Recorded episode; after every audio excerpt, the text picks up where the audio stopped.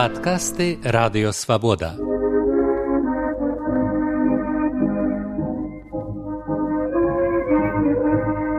Падарожжа ў БНР з Сергеем Шупам.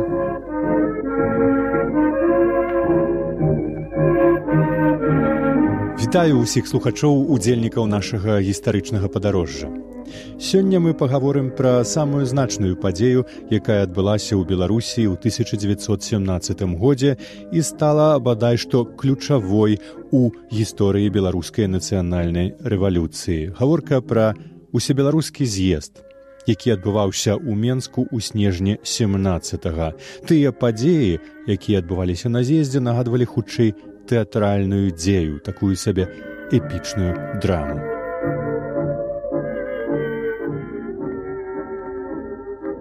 Менск, гарадскі тэатр, сённяшні купалаўскі, сёмага або паводле новага стылю два снежня 1917 году, 8 гадзін 45 хвілін вечара. Пачынае старшыня з'езду Сымон Ракміхайлоўскі. Народ беларускі, Мне выпаў вялікі гонар адкрыць гэты з'езд. Праз вашы плечы я бачу ўсю Беларусь. Яна стаіць перад вамі змардаваная, поўная тугі і надзеі, па яе схуднелым шчокам цякуць слёзы. Беларусы, вы прыйшлі сюды сказаць сваё слова, дык працуйце на дабро свайго народу, няхай жыве вольная Беларусь. Заля сустракае гэтыя словы бурлівымі воплескамі вайсковы аркестр грае марсельезу. Крыкі ура! словы марсельезы. Адзін дэлегат абвяшчае няхай жыве беларуская рэспубліка! Авацыі зноў марсельеза. Дэлегат з ложы запрашае ўшанаваць уставаннем памяць усіх хто паклаў сваё жыццё з-за бацькаўшчыну і свабоду. Усе ўстаюць. Аркестр грае пахавальны марш. Тым часам ззаду стала для прэзідыуму становіцца хор у нацыянальных строях Як толькі хор заняў сваё месца, з яго выходзіць юная яго ўдзельніца і ў гарачай прамове вітае з'езд ад вучаніц беларусак. З'езд адказвае ёй бурлівымі воплескамі. Вітае з'езд рэжысэр беларускай драмы і камедыі жданович воплескі. Следам за гэтым зноў спевы беларуская марсельеза ад веку мы спалі, беларускі гімн на хто там ідзе і беларускі рэвалюцыйны гімн кроў нашу льюць даўно ўжо каты пасля кожнага выканання зноў жа бурлівыя воплескі. Эўфарыю ўрачыстага адкрыцця з'езду азмрочыў першы канфлікт з цёмнымі сіламі. На сцэну выйшаў прадстаўнік латыскай секцыі пры менскім камітэце РСДРП, а заадно і наркам унутраных справаў заходняй вобласці рэзаўскі і заявіў: мы стаім за братства всех народов, не должно быть деления на нацыі. Для ілюстрацыі сваёй тэзы бальшавік паказаў на беларускі сцяг над трыбунай і запатрабаваў скінуць этот флаг, назваўшы яго нацыянальнай тряпкай і замяніць яго красным знаменем інтэрнацыянала. У зале ўшчаўся неверагодны верхал крыкі прэч далоў. Да аратара кінуўся немалы натоп дэлегатаў яны вывалаклі яго за сцэну. Дэпутат з'езду генерал канстанцін алексееўскі падышоў да трыбуны і пацалаваў сцяг Падкасты радыёвабода. Падарожжа ў БНР з Сергеем Шупам. Бальшавікам, якія далі дазвол на правядзенне з'езду, з кожным днём ён падабаўся ўсё менш і менш. Нейкі час яны спрабавалі ўплываць на яго працу знутры. Галоўна камандуючы заходнім фронтам адзін з бальшавіцкіх верхаводаў Александр Мяснікоў даслаў тэлеграму бальшавіцка-лева-эсэраўскаму крылу з'езду. Сообщите товарищам, чтобы на съезде белорусов они произвели переворот умов, раскол и выяснили буржуазность его. Это требуется. Пераворот умоў правесці не ўдалося, з'езд працягваў гнуць сваю лінію, і тады падключыліся іншыя механізмы.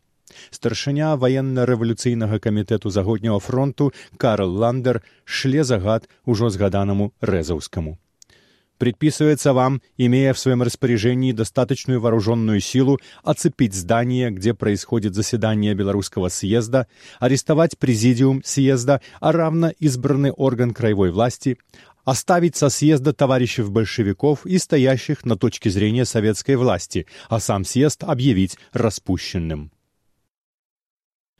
разгон з'езду стаўся першым адкрытым сутыкненнем беларусаў з расійскім бальшавізмам. Уначы з 17 на 18 снежня старога стылю пачалося галасаванне за рэзалюцыю. Сакратар пачаў зачытваць першы з 15 пунктаў, калі раптам да стала прэзідыума падышлі трое. Начальнік менскага гарнізону крывашеін, наркам унутраных справаў заходняга фронту рэзаўскі і камандзір першага рэвалюцыйнага палку рамнёў.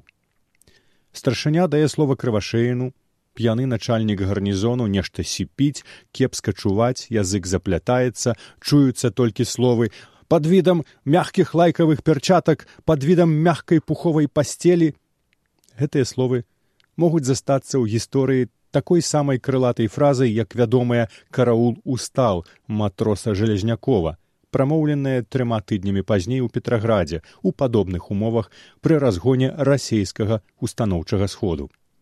Замяшанне перапыняе рэзаўскі, які абвяшчае, што распускае з'езд, лічыць прэзідыум арыштаваным і загадвае рамнёву увесці ў залю сваіх ваякаў. Усё завалтузілася, загаманіла нібы пчолы ў вуллі.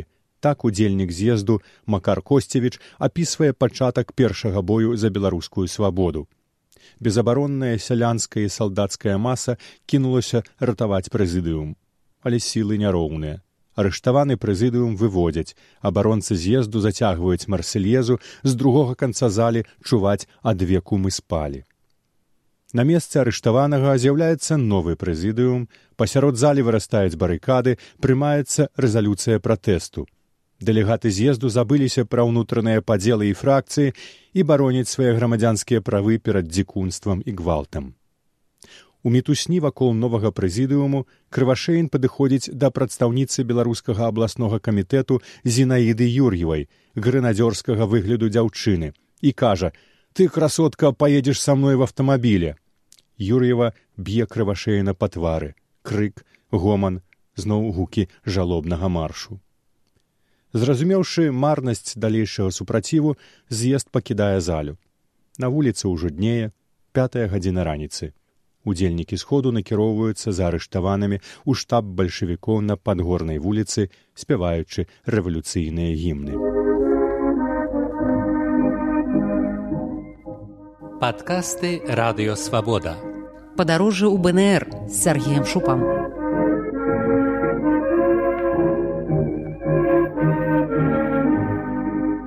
У архівах БНР захавалася сведчанне невядомага ўдзельніка з'езду, якое ўражвае цыцэронаўскім стылем. Абодва асобнікі тэксту падпісаныя псеўданімамі Язэп Палескі і Агасфен.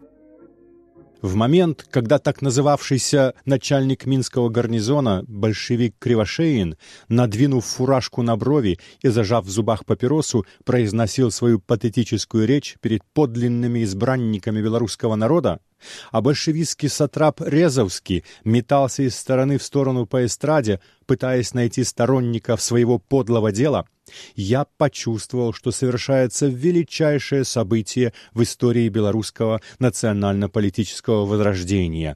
Просыпается народ-богатырь, вековечным сном спавший под тяжестью беспросветного классового гнета, поругания человеческих и национальных прав, насилия над личностью гражданина я понял и воочию увидел рождение народа, воскресение национального самосознания, полное необычайной внутренней красоты и окруженное ореолом мученичества.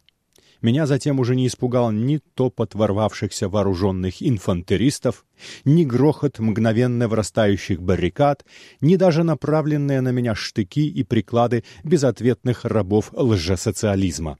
Народ родился, воскрес народ. Белорус пришел в мир, чтобы дать мир всему миру. Пышным букетом расцвела в душе радость за судьбу Белоруссии. Хотелось обнимать братьев-белорусов и вместе с ними умирать ради воскресения страдальца народа. Напряжение достигло кульминационного момента. Под скрещенными штыками президиум съезда прошел на Голгофу. На секунду замерла серая масса землеробов и воинов, и в ответ на шорох молчания раздались святые звуки революционного гимна, Сначала в полголоса, затем все сильнее и сильнее, и, наконец, зал дрогнул от оваций и приветствий первым избранником народным силою железа, уводимым от народа. И в этот момент и полупьяный Кривошеин, и отупевшие от неожиданности большевистские жандармы стали такими ничтожными пигмеями, присутствие которых никто не замечал. Ибо что значили они в сравнении с той величественной литургией, которую совершал обновленный, очищенный от всякой скверны и отныне свободный белорусский народ? Да, акт, совершившийся 17 декабря в Национальном доме, положил предел прежней страдальческой жизни белорусского народа и указал ему истинный путь к солнцу, свободе, равенству и братству, путь к национальному самоустроению. Слава тебе, Беларус! Так успамінаў пра разгон усебеларускага з'езду яго невядомы ўдзельнік, які схаваўся пад псеўданімамі Язэп Палескі і Агасфен.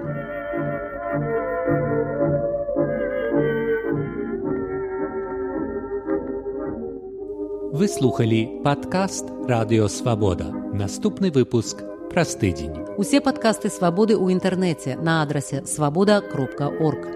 Штодня у любы час у любым месцы, калі зручна вам. Свабода кропка орг. Ваша свабода.